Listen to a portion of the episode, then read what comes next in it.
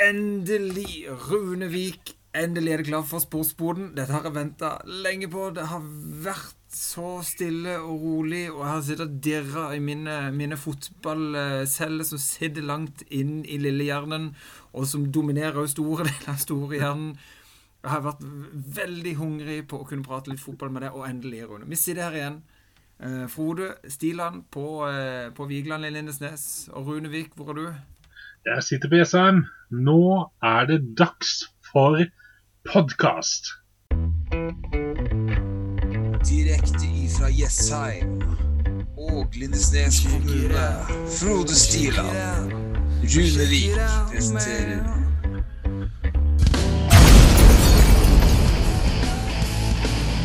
Sportsboden, en podkast om engelsk fotball.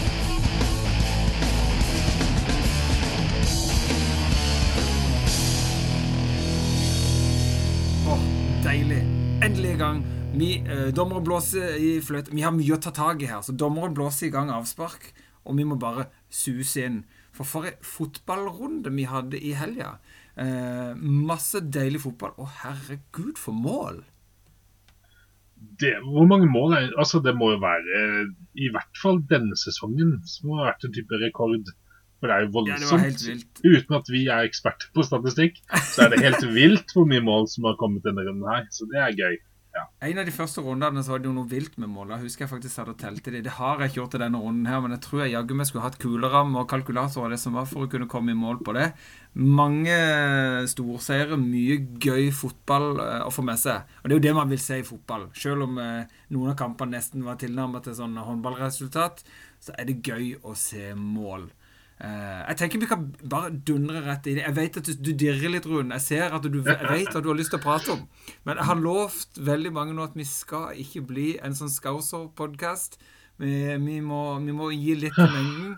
Så Ja. vi må bare holde litt igjen. Vi skal prate om Liverpool, Rune. Mm. Men først har jeg lyst eh, til å ta en tur eh, innom eh, Chelsea-Norwich. Ikke fordi det er mye å prate om, eh, selv om det var mye mål. Eh, Det var jo overhøvling av dimensjoner. Eh, Altså, Norwich har hatt en trå start på sesongen. Det er det ingen tvil om. Men å møte Chelsea nå, det var vel det siste de trengte. Det var det siste de trengte. De fikk jo til slutt et rødt kort opp i det hele. Og jeg skjønner jo treneren når han får spørsmålet Hvordan syns du om Mathias Nordmann? Det passer ikke helt å stille det spørsmålet der når du taper eh, så mye som de gjør til slutt, 7-0. Eh, et lag uten Lukaku på banen nå. Men da er det da er det Mount, det er de lokale gutta. Det er Rhys James, Hudson Odoi, Mount som Loftus Cheek, som er de som briljerer. Det er kult. Det er uh, gøy. Og det er liksom eh, Jeg føler Hvis du ser parallellene med Liverpool, da så ser Jo, Liverpool har mange store navn, men det er òg mange sånne der helt greie navn. Men allikevel eh, så er vel Torkel litt en sånn type manager som eh, man kan si som Klopp. Aller Førges. Jeg vet ikke, han får det beste ut av spillerne. Det er en sånn positivitet rundt i gruppen. Alle er eh, på og, og, og får ut sin maks. Så selv om han ikke stiller med sine aller beste elver, så kan han virkelig denne maskinen Chelsea mose over hvilket som helst lag. Og hat trick av Mount og Chilwell Det må, det må jo gi en liten applaus. Han har skåret tredje kamp på rad. Fjerde kamp på rad! Og pisken har jeg teller feil. Det, det er godt at jeg har eh, stat, statistikkongen eh, Runevik som følger med her. Nei, det, og det er imponerende. altså. Det er bra eh, sus i serken hos Chilwell. Eh, og Chelsea bare suser videre komfortabelt. 7-0. Jeg vet ikke om noe mer å si om det. Nei, vi stikker videre til et annet sted i London. Det er du som er mest London-kjent, men jeg tenkte vi kunne stikke til Emirates Stadium.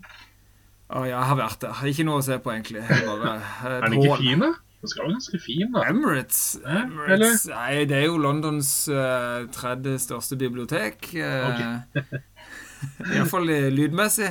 Uh, vet du hva, Jeg har vært på Emirates. Det er en flott stadion uh, i, i London. Uh, Snaue et par steinkast fra Tottenham Hotspur Stadium. Eh, veldig flott. Ikke noe å si på det. Eh, og der var det mer liv i laga. Apropos bare stadion. Det er jo en av de eh, eh, lagene faktisk du kan gå på ticket service og faktisk få tak i en billett. Ikke en altfor stor sum òg, som faktisk er ledige billetter. Det er ikke alle Premier League-lag som faktisk har det, men eh, både Westham og Arsenal har vært et lag som du fint kan få tak i billett uten å måtte gå gjennom via, via, via folk eller uh, osv.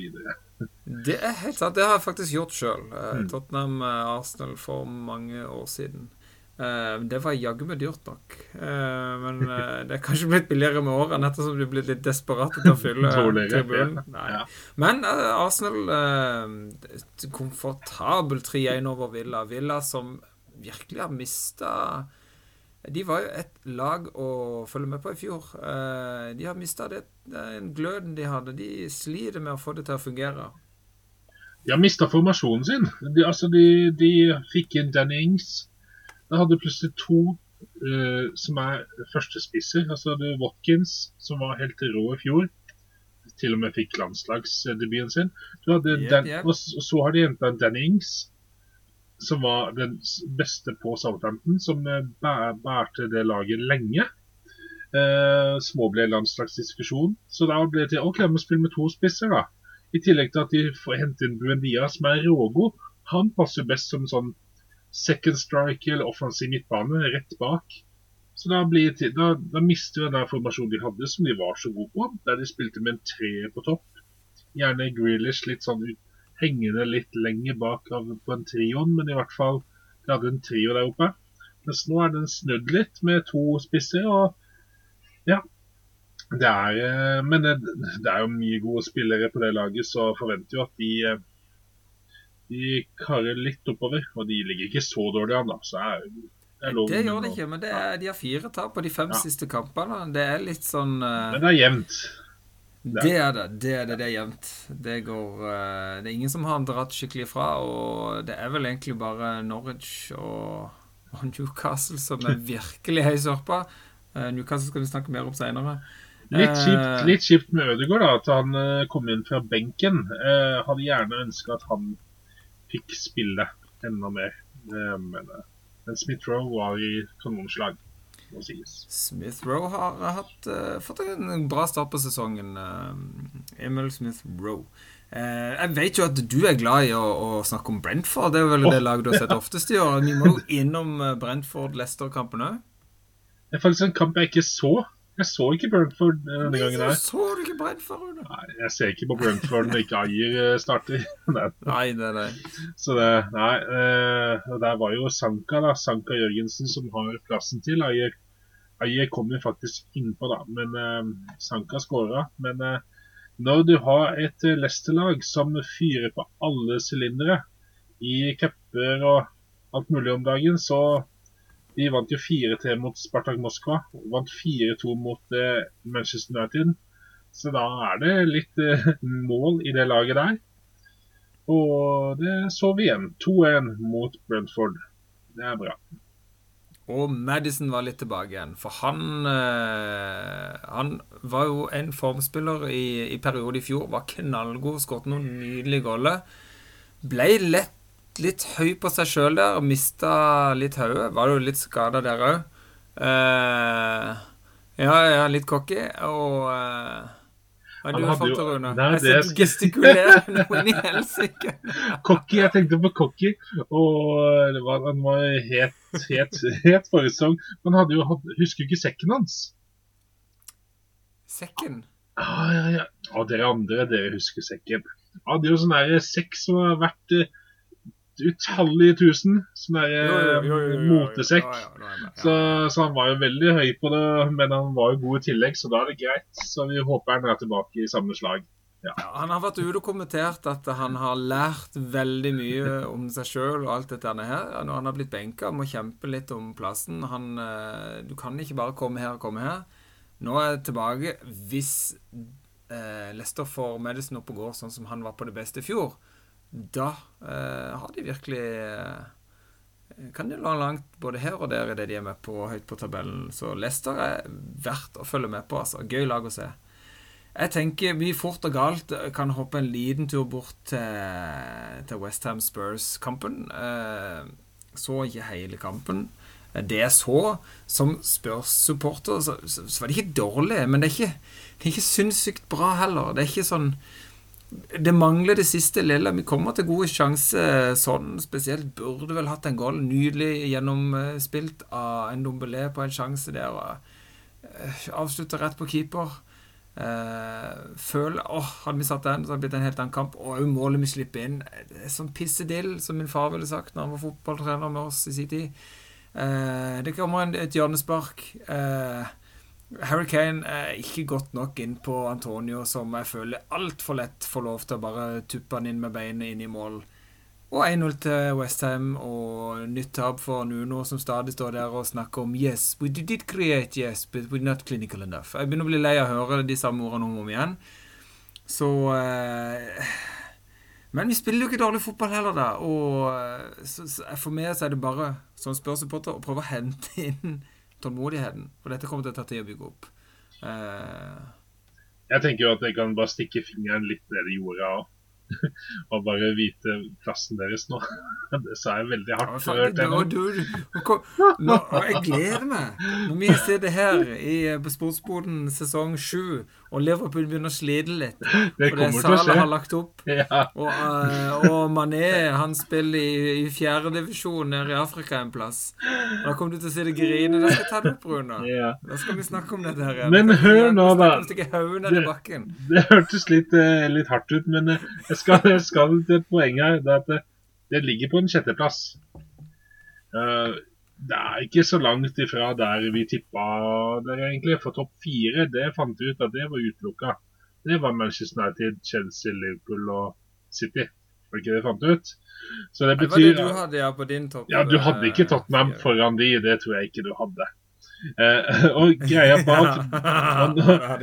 Nei. Så det er, det er Westham ligger på fjerde. Eh, Brighton er overraskende på femte. Så Tottenham sjette. United, Manchester United syvende. Everton er på åttende. Leicester niende. Arsenal tiende. Altså det er, det er på 14 poeng. Eh, mange lag er 14, 15, 17. Altså det er så jevnt. Ja, Det er- de det er sykt å, jevnt, og det er veldig lite det har Ja. å si akkurat nå. Du kommer til å vinne en kamp, og så kommer du til å ta én tap, og så vinner du en kamp, og så kommer du til å ligge der. Så, så får håpe at dere klarer å karre inn europaligaplass. Det syns jeg hadde vært ålreit. i forhold til eh, For det er jo noe mangler i laget, men det er også mye kvalitet. Og sånn er det i Leicester. De har noen midtstoppere som gjør noen eh, gjør noe ting, og så har du plutselig en spiss som putter fire mål i en kamp som Daka gjør. Eller så har du Westham som har Antonio, men som ikke har noen andre spisser. Altså det her eh, Det går opp og det går ned med disse Ja, det er helt sant. Ja. Her er det bare å ha litt is i maven og, og være litt tålmodig. Å, herregud, er det noe jeg kan, så er det å, å komme med etter et tap. Jeg har fulgt Tottenham i så mange år og vant til å tape. Altså 5-0, Rune. eh, Som United-supporterne opplevde. Å, herregud, jeg har opplevd Newcastle mose Tottenham 7-0. Og så skal du gå på skolen dagen etterpå med alle disse andre supporterne uh, eh, fra alle de andre lagene som står og ler av det. Så det, det er noe man eh, Det bygger karakter. Man må tåle litt av disse her. Fotball går opp, og fotball går ned. Og akkurat nå det går det bare oppover for noen lag. Eh, Brighton har jo eh, hatt en imponerende start på sesongen. De har eh, kara til seg mange poeng. De, de spiller eh, en bra fotball, en bra laginnsats, men City altså har fått driv i det de driver med. Eh, De vant 4-1 eh, mot Brighton. Foden skårte to, var enorm. Eh, ikke vært sånn frampå, vært litt eh, på sidelinja. Foden eh, her og der. Ikke vært den de har satsa fullt på, sånn som de gjorde i store perioder av vårsesongen i fjor, hvor han var fantastisk.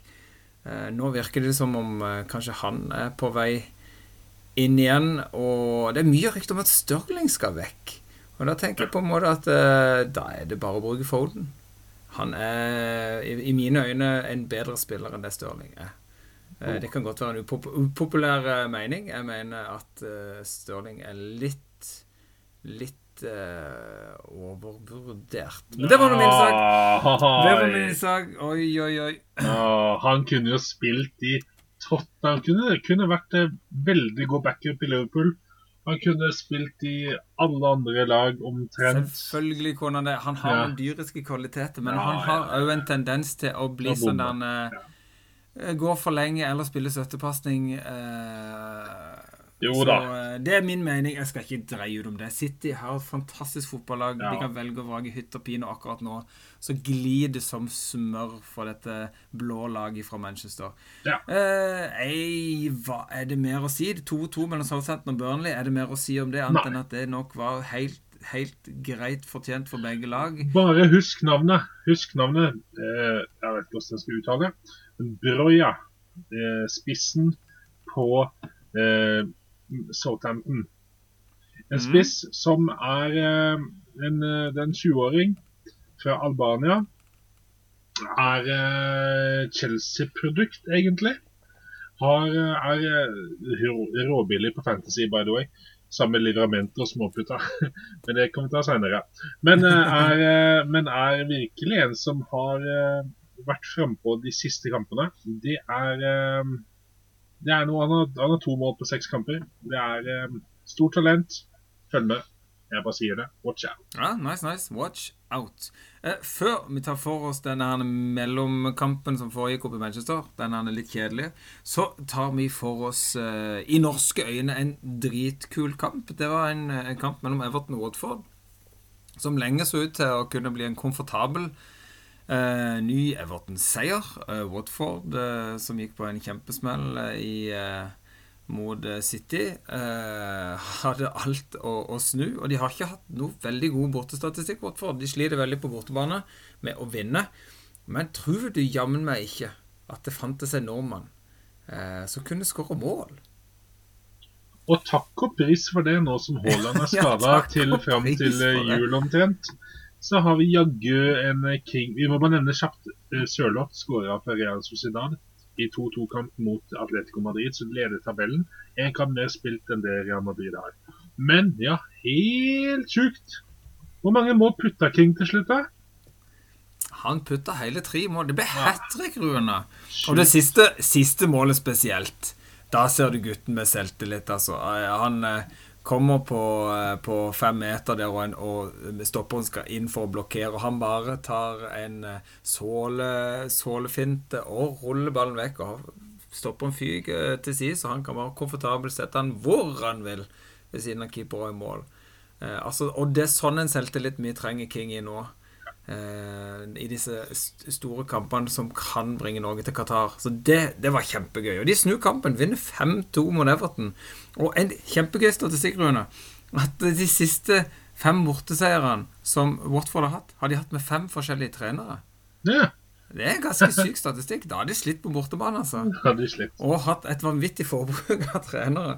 Eh, det var en s- liksom bare rulla ut fra en av disse eh, Sports Joe eller eh, Match of the Day, jeg husker ikke. Men det var uh, som når jeg satt og uh, scrolla gjennom Facebook her. Det er bare Hæ? Fem forskjellige trenere på de siste fem borteseierne. Det er jo et lag Watford som er litt artig. Altså Ben Foster i mål. Hvem er det ikke som hadde liksom lagt han på hylla? Eh, Trost Kong i midtforsvaret, Haugesund-spiller. Eh, du har en eh, Moussa Sissoko som eh, gjorde Visste egentlig ikke hva han gjorde av og til på det Tottenham-laget. men Han er kaptein nå. Ja. Han var kaptein i en kamp her, så, så det, jeg vet ikke om det var det denne runden, men ja. ja. Så det er, det er mye rart på det laget. Det er noen sånne der, Cleverly United X-folk og alt mulig. Og så har du King på topp. King Kong King med en Ranieri som manager. Altså, det her blir litt Det er artig. gøy lag. Det er gøy lag. Det blir gøy, gøy å følge med på. eh, Se hva Ranieri kan skvise ut av den appelsinjuicen som Watford det. Og man kanskje har litt sånn, eh, sånn bitter ettersmak noen ganger, så er han jaggu meg søt og gøy å sippe på Watford-juicen òg der. Masse fruktkjøtt igjen den der, altså. Masse fruktkjøtt der, ja. Det er helt sant. Eh, eh, det var vel det viktigste der. Jeg tenker Nå, nå Rune, nå får vi bare en, en fort tur innom Leeds Wolverhampton. Ja. Der dukka det opp en Leeds klarte å få inn et mål og et viktig poeng. De har jo slitt i år. Leeds har ikke fått det helt til å fungere som de gjorde i, i periode i fjor. Det var jo et lag som du fikk litt enten-eller av. Men de klarte å karaktere seg poeng mot Wolverhampton. Og de satte et, et straffe på slutten der, og det var stor jubel. Det var faktisk så stor jubel at på Ensjø i Oslo måtte politiet rykke ut til, til husbråk. Hvor da de bare møtte en fotballsupporter som bare eh, som heide på Leeds og kunne forklare at det tok litt av sted da de satte dette straffesparket som sikra et poeng. Eh, og politiet bare konkluderte med at her var det bare en som hadde mye glede å få ut. Og denne statistikken, eh, og dette, dette, denne hendelsen her, den, den, kom opp på Match of the Day. BBC, BBCs uh, Match of the Day sin uh, delte den, da.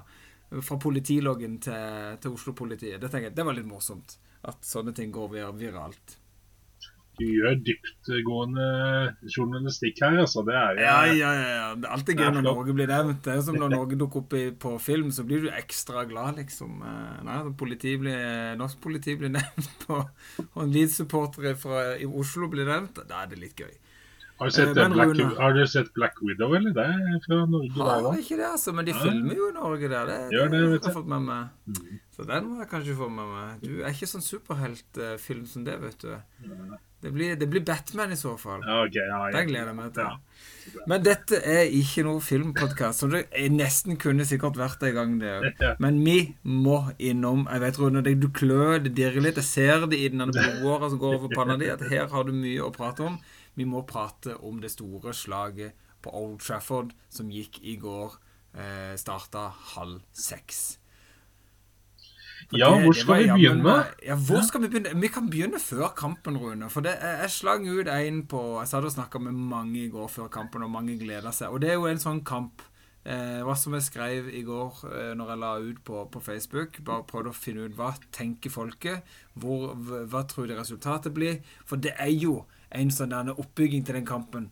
Uh, hypen begynner jo lenge. Det er det som er julebrusen. Han er jo i butikken uh, tre måneder før julaften. Og det samme skjer med den Liverpool United-kampen. Uh, den skal bygge opp spenninga, og så ender ofte kampen opp til å bli kjempekjedelig. To lag som ikke tør å ofre for mye, for det betyr for mye. så når jeg slang ut den på Facebook, veldig mange som trodde 0-0, 1-1, 2-1 kanskje. Tror du Nei, det, det hadde aldri trodd at det skulle eksplodere så dyrisk fra den skauserdynamitten som det gjorde i går, altså. Nei, det var, det var en vill, vill, match. Eh, jeg var en av de som skrev faktisk 3-1. Tok litt feil av målskårerne, men jeg visste at her blir det mål. For det United-laget de slipper inn mål. Noe voldsomt. De er, de er topp fem nederst på alle statistikker som handler om X XG against, altså mål against, sjanser. De er eh, ja, på alle mulige sånne parametere så ligger de langt nede når det gjelder å, å slippe inn. Og, og, en kamp som inneholder seks gule kort, altså på de som starter, og så i tillegg har du med et rødt kort i tillegg, da har du en kamp med fyrverkeri, vil jeg påstå. Det kunne vært uh, verre enn som så på noen situasjoner uten at vi skal gå inn på det. da. Det, og da snakker jeg bare Manchester United. altså, ja, Liverpool hadde vel ingen gule, nei, det hadde ikke det. Så det, er, det sier jo litt om uh, forskjell på lagene. Akkurat der kan du, le, kan du, lese egentlig mye ut av bare å se på statistikken. Uh, Liverpool er enormt gøy å se på nå. Uh, de, de, har bare fått den flyten tilbake. Nå skal det jo virkelig sies, de var jo utrolig skade problemfylt i fjor og sleit med å få det til å fungere og måtte bytte veldig mye, spesielt på forsvarsspillerne, eh, som gjorde at de fikk det ikke helt til å fungere. Eh, hjalp veldig eh, ut på våren når de klarte å karre seg inn på, på topp tre til slutt. Og så var jeg veldig imponerende. Men nå går den maskinen så er kul. De, de, alle spillerne som kommer inn. Det er som Chelsea nå, uh, som vi nevnte tidligere. Uansett hvem de putter innpå, så er, er alle veldig trygge på jobben de skal gjøre, og alt fungerer. De, de vet eh, systemet. Det er ingen som lurer på noe. Gamle, gamle Milner er jo dritgod. Eh, alt funker, liksom. Eh, det, det, er så gøy å se på. Og da han, Og det er jo eh, Da blir det jo veldig Da ser det jo ut som de spiller mot et, et gutte 14-lag. Altså, dessverre, United ser helt fortapt ut. De ser ikke ut som de eier selvtillit, så her har Ole Gunnar Solskjær mye å jobbe med. Jeg blir Hadde ikke Jeg tror jo fortsatt Solskjær sitter, men han sitter ikke trygt. Han sitter ikke så trygt som jeg trodde han gjorde for to dager siden. Ja, for det, nå har jo du, nå du prata om eh, det positive med Liverpool. og Jeg skal ikke gå så mye mer inn på det selv, for det du sier selv at de har et system, eh, måte å spille på, som er gjenkjennbart hele tiden. Det går mye kontringer, det går mye, mye eh, kanter som går innover. Det er veldig gjenkjennelig hva de gjør. De vender spillet hele tiden for å skape overtall på sidene. Og, og de, har, de har det presset. Det begynner fra frontleddet hele tiden, som gjør at United blir utrygge. Men, men ja, eh, hvis vi snur dette om til å se på United-spillet, som vi kanskje jeg føler at vi kommer litt inn på nå, så er jo det Hva gjør de egentlig? Tidligere når de har møtt gode lag, som PSG, Tottenham, eh, Liverpool og så og så videre, så har de lagt seg bak og satsa på de kontringene. Kanskje spilt, med to, spilt, med to, spisser, men de har vært veldig brede. Som har dratt ut til sidene. Eh, som har gjort at Fernandes har vært den som har eh, kommet, eh, som eh, andrebølgen. Og kommende avslutninger eller et eller annet sånt. Men de har skapt mye trøkk fra fronten. Eh, mens nå er det Eh, mens nå er det liksom kontringen De, de ville ikke spille på kontringsfotball. Det ville de ikke. Og så blir det sånn halvveis. De prøver å presse, men de har en Ronaldo som ikke presser. Midtforsvar som Eller hele forsvarsrekka som, som er treigt og som er ute av form, dessverre. En Maguire. Vi som er Englandsfan, vi vil jo ikke at det der skal skje, men eh, men eh, det, det, henger jo ikke på greip når de møter disse hurtigtogene til Liverpool. Og mange andre lag har slitt med det samme, men det, eh, blir jo tellefeil baki der. Ved Keita sin mål, ved Salas ene mål når det kommer innlegg fra siden. Det er flere, og alt skjer nesten på venstresiden til United, rundt Luke Shaw. Så blir hele tiden overspilt der. Det er ingen som dekker den, ingen som Han får ikke noe hjelp av de offensive gutta i det hele tatt. Selv om Mason Greenwood f.eks. er en rågod spiller, Rashford er rågod, så hjelper de tracker ikke bakover i det hele tatt. Så det blir sånn halvveis. Så det der, det, det er mye å ta tak i, i Ja. eh, ja, det ser stygt ut. Og det var vel Danny Murphy som trakk det fram at United Uniteds største Yes. Ja, det var Murphy. Jeg så, jeg så i en, eh, i en sånn eh, paneldiskusjon der trakk fram det at Uniteds største problem se Jeg skal bare trykke på en knapp her. Uniteds største problem det er midtbanen som ikke tar den defensive jobben godt nok. Det er for mange enveisspillere, og eh, når det forsvaret der ikke får den hjelpa de skal, og ikke er helt i slaget, har ikke har selvtillit i det hele tatt, da, da blir det iallfall Det blir mye tullete mål de slipper inn. Det blir for enkelt.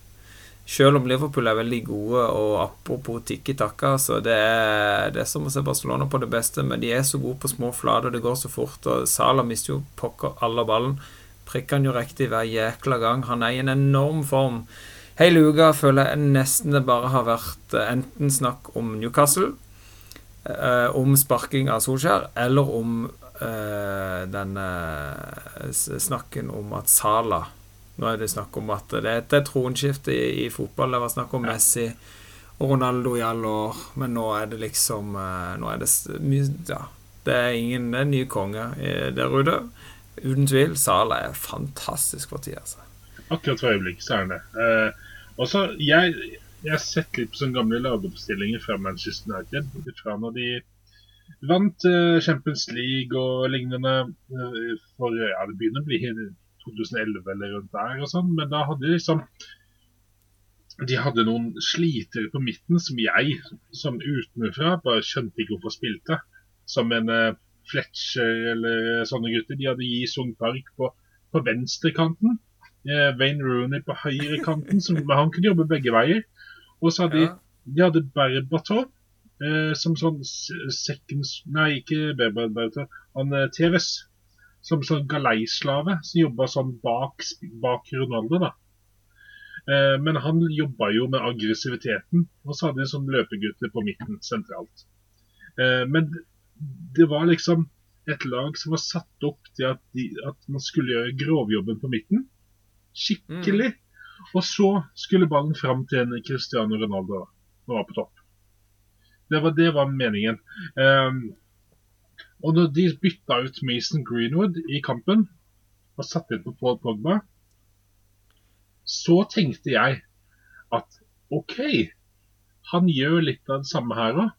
Tar ut en offensiv eh, inside forward, altså en eh, type spiss som er på kanten. Kanskje han putter Pogba ut der? For kanskje han kan hjelpe litt mer defensivt? Nei da, han gjør det opp til en trio på midten som skal spille der. Og Pogba, dessverre, altså, det mangler noe Han mangler ta, litt takt og tone når han skal ta disse her driblingene og begynne å kose med ballen. Som gjør at uh, det, er, det, henger jo ikke sammen. Og der ser du Henderson plukker fra den ballen der. Sender en utsidepasning ut til uh, Sala. Mål. Ja, det var krise. Jeg så sånn heatmap-tulle, da. Tulle-heatmap på, på, Ronaldo. Det var en strek fra innbytterbenken og inn på midtsirkelen. ja. uh, nei, det er jo forferdelig. Og uh, det er det Det er vel egentlig det United trenger. De trenger ikke flere superstjerner med superkvaliteter som spiller veldig for seg sjøl og sin egen oppmerksomhet. For det er litt den typen jeg føler Pogba er. Ja. Han er en kjempegod fotballspiller, men han, hvis ikke han har litt annen eller litt selvtilliten, eller hva det er for noe, så har ikke han den evnen som Fletcher hadde.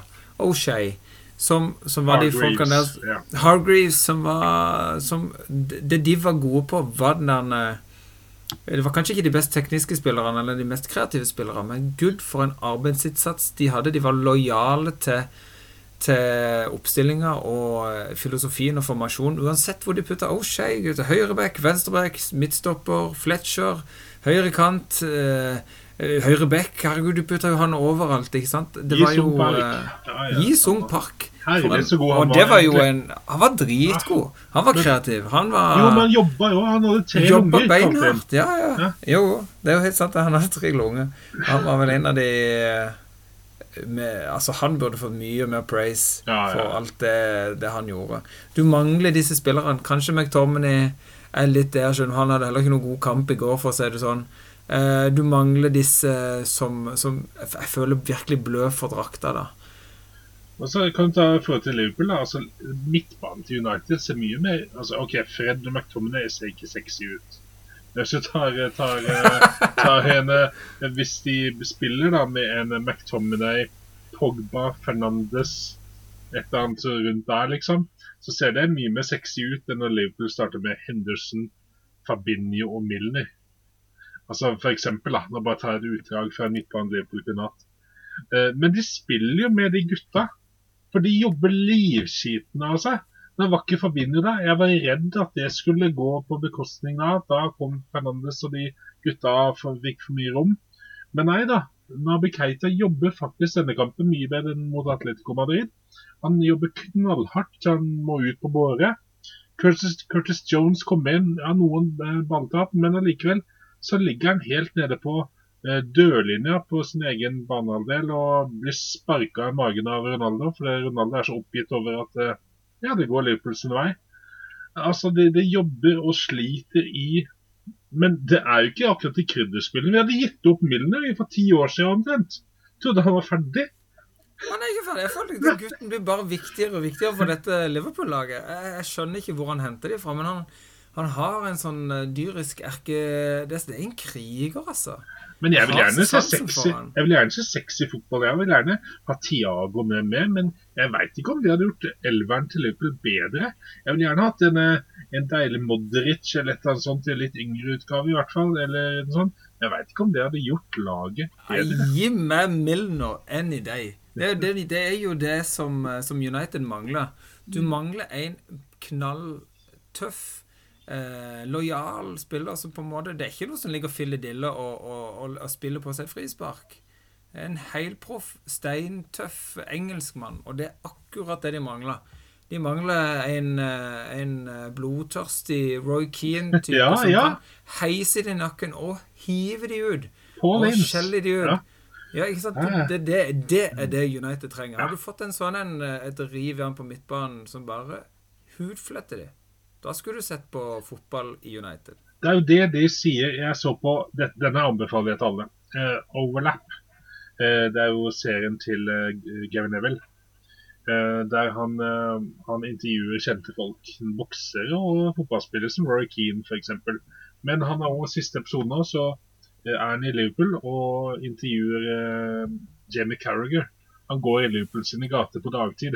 Han har aldri vært i Liverpool uten eh, hatt med seg security eller et eller annet. Så, men i hvert fall da snakka de om eh, hvordan Liverpool var på 90-tallet. At de hadde gode enkeltspillere, men de var litt softe, rett og slett. De var litt, de hadde, de hadde sånn som, litt sånn som United nå. De hadde en eh, McManaman som kunne briljere litt ut på kanten. Du hadde en Patrick Berger som smalt inn et skudd kanskje her og der. En eh, John Barnes som sto og holdt litt på ballen og kjela litt med den. Og Rednap kanskje. Og noen spisser som eh, ja, spilte litt ja, litt hoftefeste, men så klina Fowler inn tre mål på rad og gjorde at det ble helt min. Men sånne spillere. Men når de møtte United i en eh, FA Cup-finale 96 da de møtte Jeg tror 96 kan jeg ta feil nå. Beklager det, folkens. hvis jeg tar feil. Men i hvert fall de hadde kremhvite dresser på seg på veien. Eller når de, når de virkelig hadde sjanse til å ta det seriegullet. Når de lå vippa, da feila de hver gang. For de hadde ikke den derre denne hardnessen, de hadde ikke den der, De hadde ikke Milner, de hadde ikke Roy Keane eller annet sånt som bare Fader, gutta. Nå, nå skjerper vi oss. Dette tar vi. Der er litt United nå. De har dritgode enkeltspillere som kan briljere og, og, få til mye fint, men de mangler noe stål. da. Og det stålet har Liverpool i van Dijk, Fabinho, Firmino nesten, med det han gjør på presset, og alle som, er tryggheten sjøl bak. Ja, Akkurat. Jeg føler vi treffer spikeren på hodet der, Rune. Og jeg tenker at um, det blir spennende å se nå. Nå hviler det mye. Nå så jeg en eh, veldig morsom uttalelse om kommende kamp eh, for United eh, mot eh, Tottenham eh, på Tottenham Hotspur Arena den 30. i 10. Det er neste kamp for både Spurs og United. Og det er allerede blitt døpt El Sakio. Who gets sacked first? Er det Ole Gunnar Solskjær eller er det Nuno som får sparken? Det er veldig dårlig stemning blant Tottenham-supporterne òg. De eh, har fortsatt den eh, lille storhetstida vi hadde for to-tre år siden, hvor vi var veldig gode. Vi fikk en tredjeplass, var i Champions League-finale. Eh, og det å synke ned til den ustabile greia vi holder på med nå, hvor det vakler veldig og vi går i noen kamper hvor vi ikke er til stede i det hele tatt. Og vi òg er blitt lovt Vi er blitt lovt av direktøren Levi offensivt Tottenham-fotball, og så har vi fått en ganske En trener som eh, foreløpig prøver å få orden på det defensive. Nei. Så El Sakio, det blir spennende. Her har, her har Ole Gunnar Solskjær spesielt alt å vinne. Her må han vinne. Her må Null. han snu skuta. 0-0, sier jeg. Det blir det i den kampen. Ja, Det blir spennende å se. Det er 30. 30. oktober. El Sakio.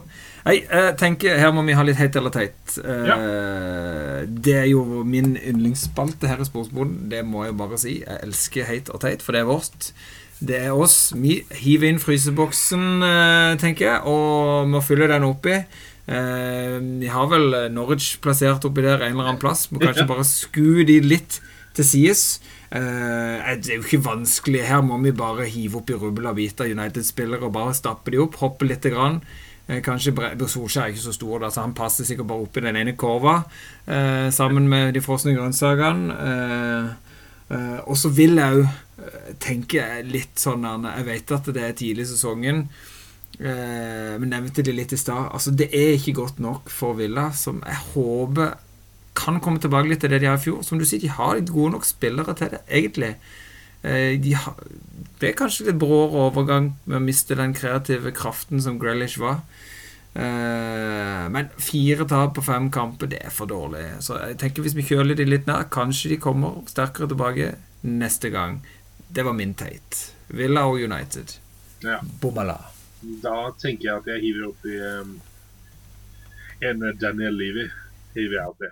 For han har bomma fullstendig når han sier at han Ja, sorry, altså. Men eh, når han sier at han eh, vil ha offensiv fotball Du har vært på det manager eh, han, har, han er ikke akkurat en ny heller i jobben sin.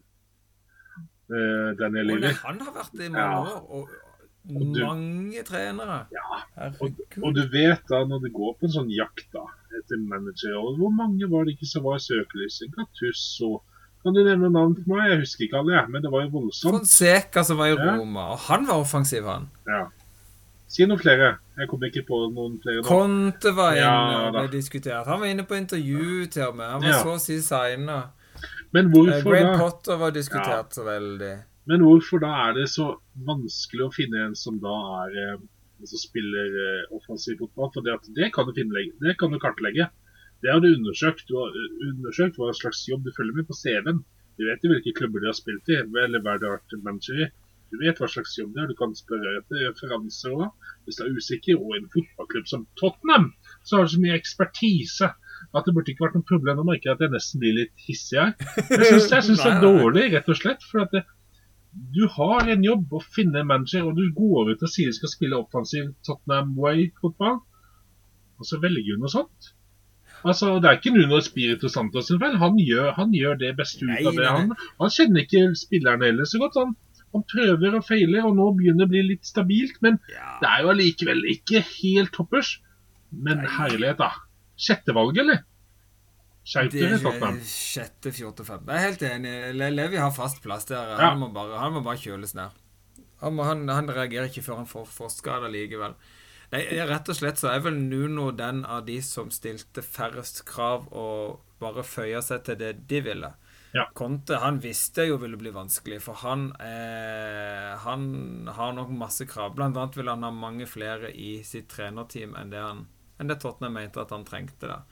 Fonseca ble jeg bare mer og mer interessert i, for han virka jo som en litt sånn kul eh, type. Jeg snakka med en kompis på jobb som uh, Han er United-supporter, men følger veldig Roma. Altså, han eh, hadde gjort bra takt i Roma, men han var nok vel offensiv. Altså, De spilte gøy offensiv fotball, men mista nok litt fokus på det defensive. eh, og kom nok litt på kant med klubben samtidig, og de som styrte det. Men han var en spennende type, da. Så jeg hadde litt troa på han. Men han òg ble eh, Der var det òg noe pengegreier som til slutt stoppa det opp. Og da var det nok noen og den som booka og sa at I will do it cheap for you. So, yeah. As long as I get a job. For han var vel òg den av de som var helt uten jobb, sammen med Forseka Conte, da, selvfølgelig. Ja. Nei, det er å pine. Uh, heit, heit og heitere enn heitest. Jeg, hva skal jeg si? Liverpool er så imponerende for tida. Eh, de har ti mål på to Premier League-kamper. Eh, Sala eh, Det er bare det er, det, det er magi alt han gjør nå. Det, det ser så sykt lett ut, og han Altså, Det er sånn du bare kan huske de beste spillerne gjorde når man just hadde begynt å spille fotball. De som hadde spilt fotball fra de var to, som bare dominerte disse eh, syvårkampene og bøtta inn på tolv mål og bare lekte seg med alle de andre. Det ser litt sånn ut med Salah nå. Det ser rett og slett for lett ut. Han er i, vel blant de aller beste spillerne i form akkurat nå. Jeg eh, må bare hive inn på King først. Han må bare være med. Hat trick. Det må Ja, bare kult. være med. Kult. Men, men jeg må bare si uh, kjapt ting om Salah. Han gikk forbi nå Didier Drogba når det gjelder uh, afrikanske spillere og mål i Premier League. Uh, det er jo en spiller som Vi snakker om Henry som Tines beste sammen med ja, Aguero blir nevnt og litt sånne spillere. Men Salah, altså. det sier jeg ikke bare som Liverpool-fan, det tror jeg man kan si litt sånn generelt. Det er en spiller som som har prestert fra dag én i Liverpool. Har vært der flere, og det er en grunn til at de har vunnet. Han ble skada i Champions League-finalen mot Real Madrid, som gjorde at vi havna litt bakpå og tapte den. Det er en god grunn, i hvert fall. Sier vi hadde vunnet med han, men hadde vært mye mer jevnt, i hvert fall. Så vinner vi Champions League. Så vinner Liverpool Champions League. Vinner Premier League. Altså er, Plutselig så ble dette et lag med noen flere innkjøp, men han var den første brikken, altså. Den største brikken som gjør at laget plutselig ble contenders. Plutselig ble det, og han, han presterer ennå. Uansett, og folk snakker om eh, tilslaget hans på ballen, og at han er litt sånn ego der og sånn, men herlighet, målgivende, mål, mer mål enn det Mer mål enn kamper! Så det er Haaland uh, stats. Det er Haaland-tendenser. Ah, Eh, man kan si mye om en spiller og egotripp og sånn, men hvis resten av laget vet at han der Ja. Bare vi får ballen til han. Det er som, eh, det er som Chicago Bulls eh, på, eh, på sitt beste. Altså, bare vi får ballen til Jordan, så, så, blir, det, så blir det poeng. Eh, får vi ballen til Salah, så, så fikser han enten en assist eller, eller et mål. Og da, Hvis du får laget til å, å jobbe rundt det, da Jeg sier ikke at Salah er lad eller sånne ting, han kan sikkert jobbe bedre, òg. Men hvis en får, den får laget til å jobbe rundt det, og tenker ja vel, da er det hans jobb. Det er min jobb å sørge for at eh, jeg får tak i den ballen og stoppe det andre laget. Da skal jeg gjøre alt jeg kan for det, for jeg vet at får han muligheten, så setter han eh, sjanser eller får assist ni av ti ganger. Og det er en grunn til at Liverpool har den midtbanen de har, og det forsvaret de har. Fordi at de skal demme opp. De skal stoppe alt og kunne gi ballen offensivt. Og hvis ikke Salah putter, da, så har de en Mané som løper fortere enn en gaselle. De har en Jota som lukter mål. Og de har en Feminio som kan eh, ta no look eh, pass eh, til herfra til evigheten. Så de har mulighet til å snu rundt på det uansett. Så, eller Keita som smeller inn. Så det, det er nok, men han skaper så mye bryderi og så mye fokus rundt seg at det blir rom for andre. Og han, ja, vi kan selge hvem andre på Liverpool omtrent, men ikke selge Sala. Nei, det er gullegg uh, uten tvil til, til Liverpool. Eh, som sammen med, sammen med City og Chelsea nå virker til å være de sterkeste lagene i, i topp tre der, og kampen om, eh, om seriegullet foreløpig. Det er en lang sesong. Her kan alt skje, og skade kan skje, og sånn, men akkurat nå så ser disse lagene fryktelig sterke ut. Det var, lagene på, det var folkene på grillen. Jeg syns det var fint at du tok med King som en, eh, som en liten ekstra hamburger der. altså. Fortjener det. Det fortjener han. Eh, det var heit eller teit, det var avspark. Vi har snakka om all den deilige fotballen som har vært i England i helga. Jeg tenker vi må ta et lite innkast, eh, som vi kaller det, litt sånn fra sidelinja. Eh, vi må snakke litt om Newcastle. Eh, jeg vet ikke om vi nevnte det innledningsvis. De spilte jo kamp i helga, de òg. De var og spilte, spilte mot Crystal Palace. Klarte å karre til seg et poeng. Wilson skåret mål. Eh, men de har fortsatt ikke vunnet en kamp i år, Rune. Og det har vært mye ikke sant? Det har jo vært i, i, søke, i, i medienes uh, søkelys nå, for de har disse milliardene. Over natta er jo som Newcastle blitt en storklubb, men det er fortsatt en biljodillionær storklubb uten seier i, i Premier League. Så dette nedrykksspøkelset henger over dem. De kan faktisk bli eh, Worst case scenario er å bli den eh, rikeste klubben i championship. Altså, men det er jo et eh, ræva lag. Sorry, som Newcastle-fan. Men det har åtte bakre spillerne. Og, og da liksom trekker jeg fra St. Maximan og Ryan Fraser, som ja, har god på sitt beste, og Wilson. Resten er eh, Sorry, altså. Det er eh, treigt, skadeutsatt, mangelfulle spillere. Hele rekka. Det er eh, Hvem andre lag hadde Darlow, Kraft, Lacelle, K- Clark, Mankio? Hayden hadde fem kamper eller seks kamper på vårparten som var dritgode. Det er det. Ikke, det var ikke Hayden engang. Det var Willoch, det. Ja, Det var Willoch. Longstaff, talent, ja. Richie, over the top. Over the top. Over the top. Så Ja. det holder Så det, dessverre. det er Nei, veit hva. Og, og da se på, se på Crystal Palace, da. Der har du eh, Gay i midtforsvar. eh, Stortalent fra, fra Chelsea. Guita i mål. Utrolig god Premier League-keeper. Du har eh, midten er det to galeislaver i MacArthur og Milo, Milojevic. Og du har Gallagher, Edward, Olise, eh, ben, Benteke Ja, han putta faktisk, da. Nei, Men du- det er du- en slu rev, det. Ja. And Andersen i midtforsvaret, som var Fulham, som var den beste der. Altså, det er, det er likevel det er mer trøkk, mer krydder. Benken Saha som kom innpå. Nei, veit hva. Det er, og det er, det er Crystal Palace, altså. Det er et lag de burde kjempe med. I hvert fall. I hvert fall. Så eh, jeg tenker her eh, Det var jo rykta veldig tidlig at, eh, at Bruce skulle vekk. For han har vært egentlig trøkka ned både av, fans og det som er etter at han kom. Jeg syns han gjorde en god jobb. Han har fått unødvendig mye tid han har vært veldig ute. Apropos mental helse, som har vært veldig i fokus nå. Han har vært ute og sagt at dette har vært tøft. I tøffeste laget, rett og slett. Uh, og nå har Newcastle gått i den der uh, Nå har de gått i, uh, i desperasjonen. De, nå er det assisterende trener som styrer klubben. De håper på, som mange gjør når de De vil inn et tidlig trenerbytte. Det har en god statistikk på at det kan gi litt gode resultater for en kort periode i starten. Og så De driver nok nå og planlegger for harde liv, for her må det forsterkes i januar. Her må det inn med noen solide, gode spillere som kan forbedre dette laget fra da én. Eh, for eh, her er hovedmål nummer én Her må vi holde oss i Premier League. Men når skal denne nye manageren komme inn, da? Mener, mener at de skal ha han inn nå? Og hvis du hiver han inn nå, så tar du over et lag som ikke er, som ikke er bra. Uh, hvis han får lov, og da, da kommer de til å se Oi, han får nesten ikke ut. Ok, Kanskje noe, kanskje noe struktur på laget kan han kanskje få til. En ny trener. Men det blir jo ikke akkurat bedre spiller over natten. Så, det er helt sant. Ja. Eller skal de vente med til nymanageren til januar? Men da blir det, Og da få nye spillere, men da tør spillerne å vente, de som skal bli henta inn. Bare hvem får vi av manager? Og da blir det kort tid for nymanageren å sette sitt preg på laget. Eller hva, hva, ja, hva tenker du rundt det? Nei, jeg tenker Det viktigste for de er egentlig å få inn en ny trener så fort som mulig. Uh, uansett uh, så kan, kan, det gi en Altså, en ny trener i klubben. OK, det er en ny gaffer. Det er han vi skal imponere. Her har alle spillere muligheten til å vise seg på nytt. Det kan gi, gi uh, litt bedre resultater, iallfall på kort sikt. Og så kan jo denne treneren være med i denne prosessen. Bare hva, hva, trenger denne treneren?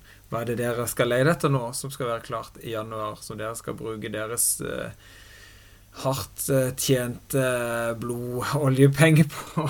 det var litt bøs, men det er jo den ene sida av saken. Og så er det jo det hvem skal de få inn? Conte har jo vært diskutert. Han har sjøl vært lunken.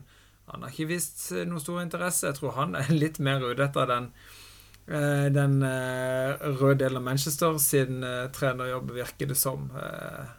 Hvis vi skal lage en topp tre-liste hver, da, av de vi tror skråstrek håper på skal bli manager i Newcastle Skal jeg ta topp tre først, eller skal du ta Topp tre. Jeg er litt usikker. Det var okay. så mye rykte ute. Hva er topp tre? Ja, topp tre. Ja, to, ja, det er akkurat det. Men ja, det blir en blanding her, da. Men uh, Topp tre vil jeg si tre managere. For det, jeg vil ikke kategorisere de som én, to, tre. Men uh, jeg tenker jo uh, Det hadde vært gøy og en god utfordring. Og jeg tror han hadde fått med seg spillere, og de som er i laget, til å heve seg litt. Og han har et uh, godt navn til å kanskje få, til, få, inn noen nye spillere, som et spennende prosjekt. Steven Gerrard som det så bra i Rangers. Det tror jeg kunne vært spennende. Jeg er litt redd for at det blir litt Frank Lampard-fellen. Som uh, er, er og Solskjær det, som uh, kan gjøre bra en stund, men om det holder til å slåss mot de store løvene, sånn som Ranieri som kom inn i Watford, som er en ti ganger bedre manager enn en Jypling, på en måte. Men ja. allikevel så, så, tror jeg det hadde vært et spennende prosjekt. Tror jeg. det er ene. Uh, nummer to tenker jeg da Eddie Howe, som er det offensive. Vi snakker litt om sexy fotball, eller The Entertainers, som de kalte seg opp på 90-tallet. Kunne vært gøy, for Bournemouth spilte artig fotball under han. Og nummer tre, da må det være sånn utenlandsk eh, sånn derre sånn trofémann à la Capello, men han er vel kanskje ikke aktuell lenger. Angelotti han skal ikke være lenger i Real Madrid etter sesongen. Nei. Når, når, hvem henter han til slutt? Om han gidder? Det kan fort bli uh, Newcastle. Det er jo en fin pensjonsavtale, det. Ja. ja. Nei, du, vet du hva, det, det, er vanskelig å tenke Altså, et, eh, jeg sa jo uh, disse, de, Alle disse managerne som ikke kom inn i Tottenham, er jo kommet i søkelys Newcastle. Fonseca er blitt diskutert. Mm. Conte, men han virker ikke interessert. Jeg, helt, jeg tenkte samme som det. Altså, de som er ledige på markedet, er jo uh, Eh, Eddie Howe. Eh, men det er nok et for lite navn for det. Ja, jeg vet ikke. Men det, det, er jo en manager som har vist tidligere eh, at han kan få bra ting ut av eh, medium eh, budsjett og type spillere. Han kan kanskje få gnidd noe ut av disse her. Samme med Men han har jo klubb, da, så han må jo vente til januar for å kunne kjøpe det. Graham Potter. Han tror jeg hadde vært en bra type å bygge på der. Ellers er jeg helt enig med deg. Har ikke tenkt så mye på det før. Men eh, altså eh, Steven Gerrard, forskjellen på Lampard og Gerrard, sånn som jeg tolker det da, er at eh, Gerrard har mye mer autoritet. Vanvittig mye mer. Jeg hører bare når eh, medspillere som eh, Crouch, andre forteller om, om hvor holdningene hans inne på trening, dette kravet om perfeksjon i pasning, trening Altså, her skulle man være dritgod og Altså, det var full fokus fra dag én. Det var ikke noe tull på trening. Altså, som eh, Crouch har uttalt det, han skjøt jo pasningene på Crouch. Ja, ja.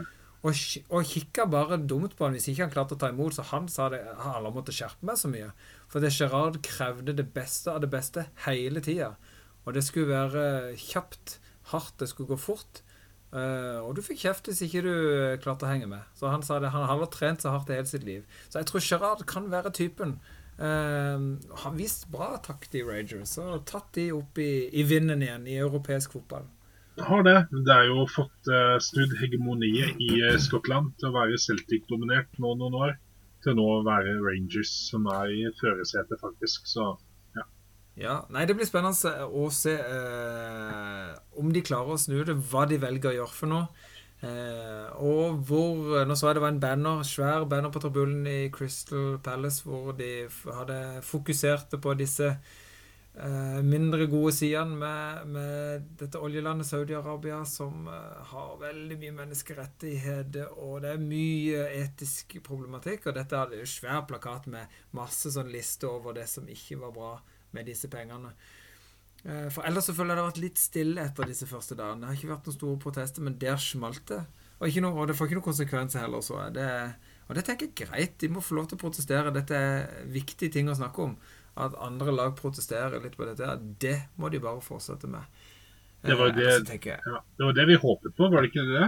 Litt at det skulle at vi skulle på en måte være et medium, muligens, som kunne som kunne gjennomsyre litt Newcastle. Det der med at eh, du, vi må faktisk holde de rettighetene og de lovene som er i eh, Storbritannia. Og at det kanskje ja, trekkes litt tilbake igjen til Saudi-Arabia. Det er helt sant. Ja. Uh, nei, det, det blir spennende å se. Nei, det, det, vi skal følge med på Sirkus Newcastle så det holder. Uh, gleder oss til lille silly season her på nyåret. Med, det blir spennende å se. Deadline Hvem day. kan de få til? Deadline day med lommeboka til Newcastle. Det kan pine med alt skje, altså. Det blir gøy. Men vi trenger noe fantasy på slutten her, Rune. Nei, Vi vi, jeg, min, før, vi, eh, før vi snakker fantasy, så Ja. vil jeg bare dra inn uh, en liten offside denne gang. Jeg vil til Bodø. Jeg vil, altså, vi snakker norsk fotball. Jeg vil ikke til Sørlandet. Jeg vil ikke Nei, snakke nei, om det er det eh, ikke noe å prate om i det hele tatt. Vil ikke snakke om at Start holder på nesten å rykke ned til oh. uh, Nei, andre divisjon. Eller at uh, i Bergen at Brann uh, ligger på kvaliken, holder på å rykke ned til Obos-ligaen. Eller at Ullskisa her oppe holder på å rykke ned til andre divisjon. Nei, vi skal oppover. Vi skal opp til Bodø. Superlag. Og snakke om Conference League skal vi gjøre. Ja, det må vi gjøre, for det var salt suse med noe av det kuleste som skjedde i hele forrige uke. Det er eh, Det ble jo 6-1, ble det. 6-1 for Bodø-Glimt mot Roma, mot Mourinho. Mourinho har ikke tapt så mye. Det er helt Aldri. Aldri. Og så sier, sier Mourinho eh, at det var ikke det at han eh, eh, trodde at Bodø-Glimt var dårligere eller noe sånt, eh, men at spillerne, stallen hans, ikke er bra nok. Og så ser vi allikevel på de spillerne som spilte. Ok, det var fire-fem gutter som ikke var med nå mot Napoli, der det ble 0-0. Men det er jo likevel Rui Patrizio mål. Spilte i Wolverhampton i fjor. Sharawi eh, spilte ut på kanten, som har vært i eh, Roma og Milan i en årrekke. Serie A-profil. Så det allikevel er spillere. Tem Abram kom innpå. Pellegrini spilte. Altså det er eh, nok av eh, spillere som hadde spilt på som hadde spilt på alle lagene i Eliteserien. På en eller annen måte. Kanskje i formtoppen til Patter Berg så hadde han spilt der litt, men så hadde han blitt eh, han slitt en stund mot de spillerne. Så det er, det er godt lag. Så, men jeg tror kunstgress, vindforholdene Ballen stoppa jo opp i lufta omtrent.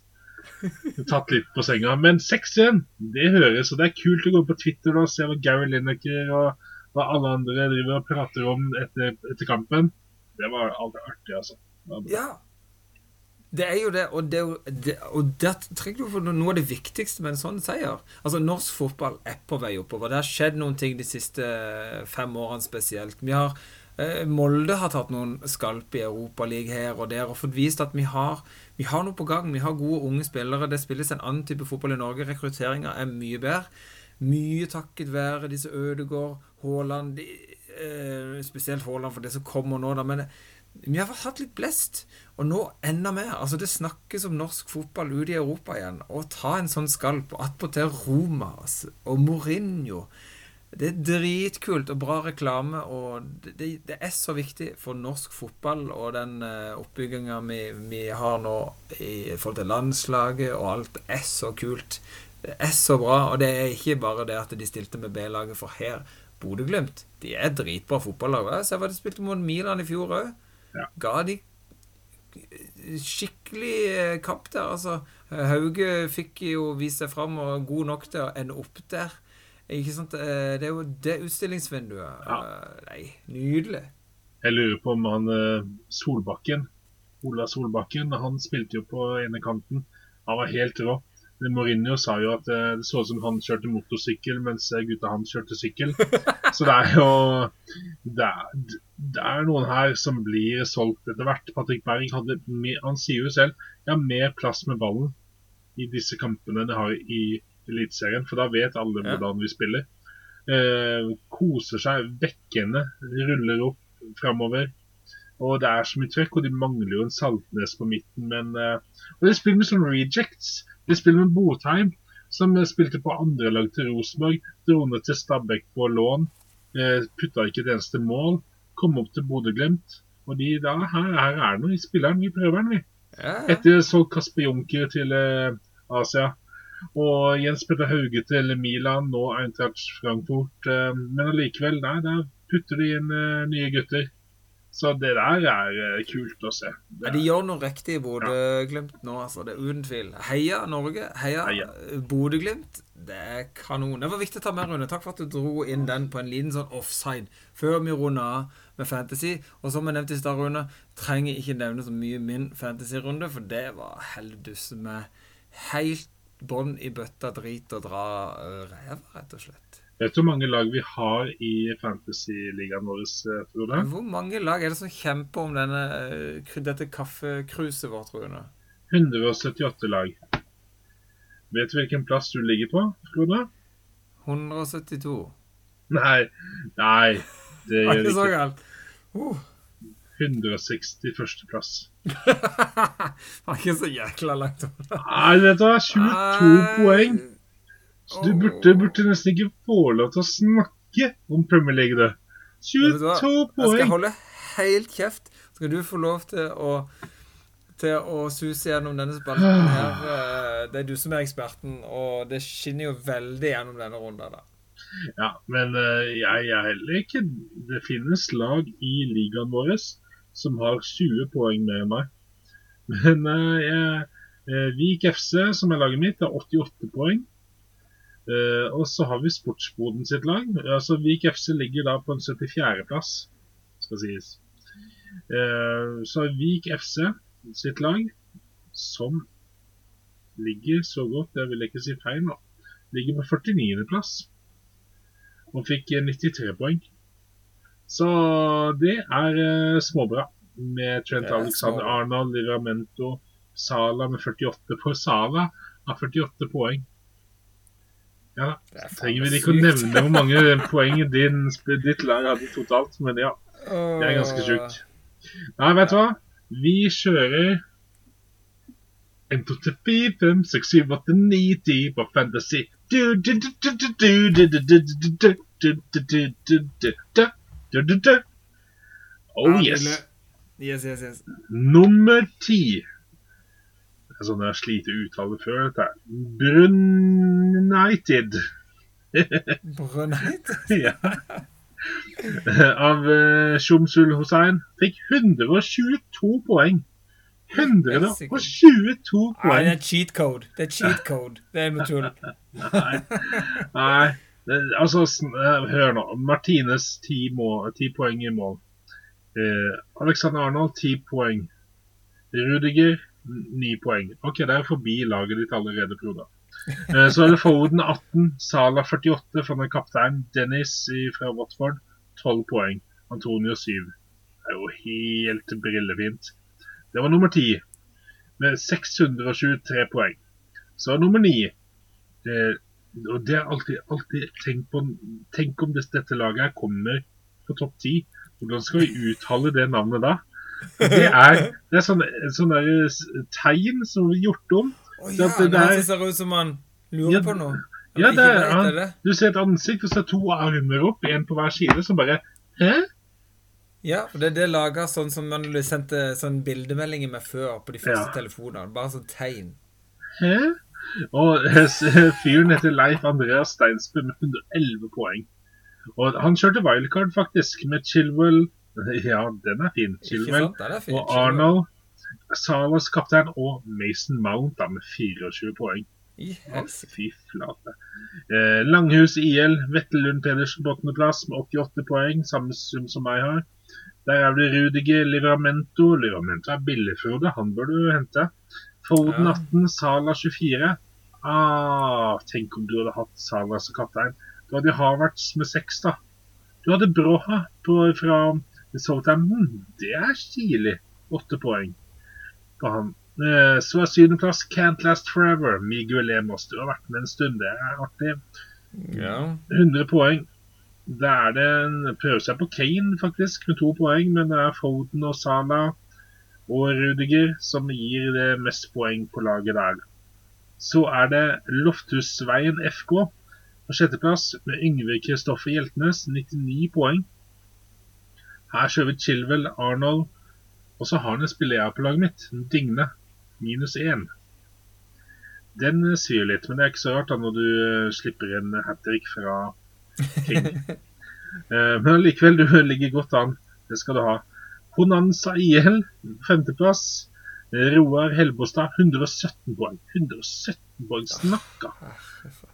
Altså, jeg kan, vi fortjener ikke å være samme selskap. Smith-Roll 13 poeng.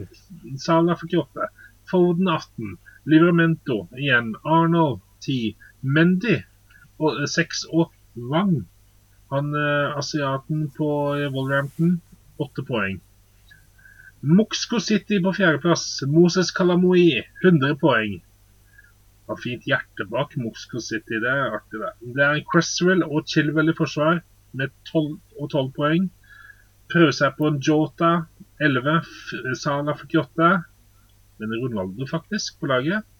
Tenk, han hadde jo et mål, da. Men det var en Ja. bitte liten offside. Uh, nummer tre, det er et lag vi kan like. Heia Brentford and Butter. Brentford and Butter heter laget. Eh, Håkon Reiten Finnbakk, velkommen i gode selskap på tredjeplass. Du kjører Trent. Alexander Arnold, Chilwell, Salas kaptein, Foden, Antonio. Ja, Livramento på benken. da. Tenk om du har fått inn han da, med ni poeng. Det hadde vært noe, det. Så har vi, så har vi han som leder lenge.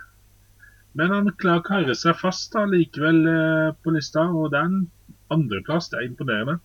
Ian St. John's 11, Stein Grødal. Ja, ja, ja. Ja, 86 poeng. Litt mer som vi oss vanlig dødelige. Ikke som deg, Frode Dødelig, men også som er litt sånn habile. Veldig Eh, daue. ja, du, du lever ikke det. Nei, å slutt- da slutten pipe på den der, den der På den TV-en. Det bare I stedet for pip, så har jeg bare tatt ut Skrudd av lyden. Bare mute den. Livramento, Arnold, eh, Sala, vet du, kaptein. Det, det sikrer deg vet du, mye poeng. Og Antonio på topp. Prøvde jeg på en Vardi, jeg skjønner det. Finnskogen FC på førsteplass. Bjørnar Eike, 97 poeng. Du har, du har 671 poeng. Nummer to har 639. Du har fått deg en god luke, nummer 97 poeng. Og det er Livramento. Eh, Du prøver på Salas kaptein, Foden. Du har Antonio, men du er litt, du prøver litt diffe litt allikevel med Gallagher fra Crystal Palace. Du har eh, Rafinha inn på laget, du har Tonney, Jimenez og Antonio på topp. Tenk om du har fått inn eh, Smith Rowe, da, som var på benken, med 13 poeng. Men allikevel, du er solid der oppe, altså. Full eh, skryt til Bjørnar Eike og Finnskog Nøfse. Gratulerer enda en runde. Det er sterke lag. altså. Det er mange som har en teft. Ikke tvil om det, som følger med å spille fantasy eh, i en helt annen eh, Ja, ja. klasse enn eh, det er jo, i alle fall. Eh, så det er, gøy, det er gøy å høre. Prøver å plukke med meg noen med. For meg så er det vel kanskje det at jeg glemmer det for mye. Og som vi har snakka om før, jeg spiller jo altfor mye med, med hjertet. Eh, og velge spillere ut ifra det, ikke ut ifra hva de faktisk kan tilby av poeng og målpoeng og hva det er for noe. Så der er jo Jeg må brekke jeg må, tøy, jeg må komme forbi den barrieren, da. Og bli mer sånn der Legge hjertet litt vekk. Og hva, hva kan være lurt her? Ja, jeg klarer ikke det helt selv, vet du. Det er det som gjør at jeg ikke har det siste Ja. steget. Men jeg ser jo Det er et lite stikk til enkelte folk er jo at de som jeg kanskje prater mest fotball med og det det Jeg setter meg ikke et godt lys. Men uh, vi kan jo nevne laget ditt, da. Du som, er med, du som eier denne podkasten, som er uh, topp mot, eh, ja, toppen av næringskjeden innad her. Du er på 161. plass.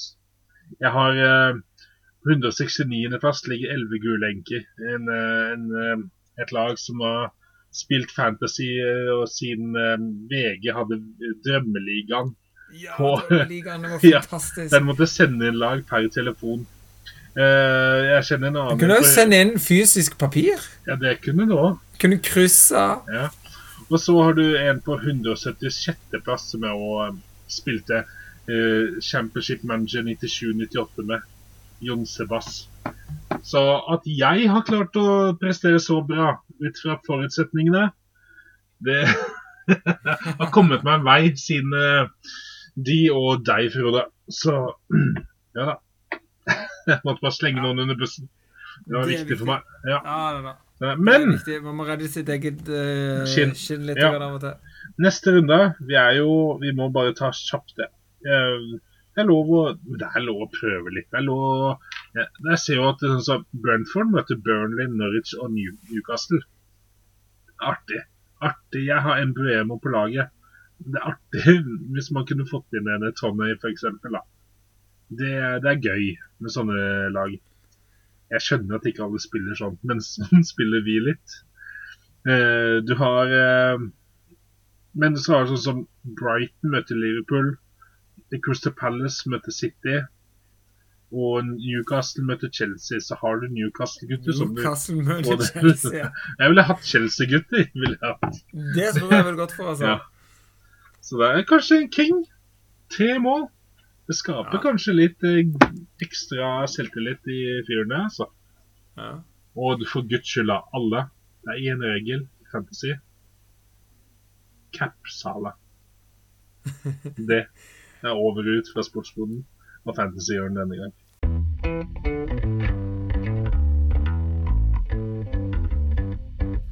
Check it out, check it out, check it out, man.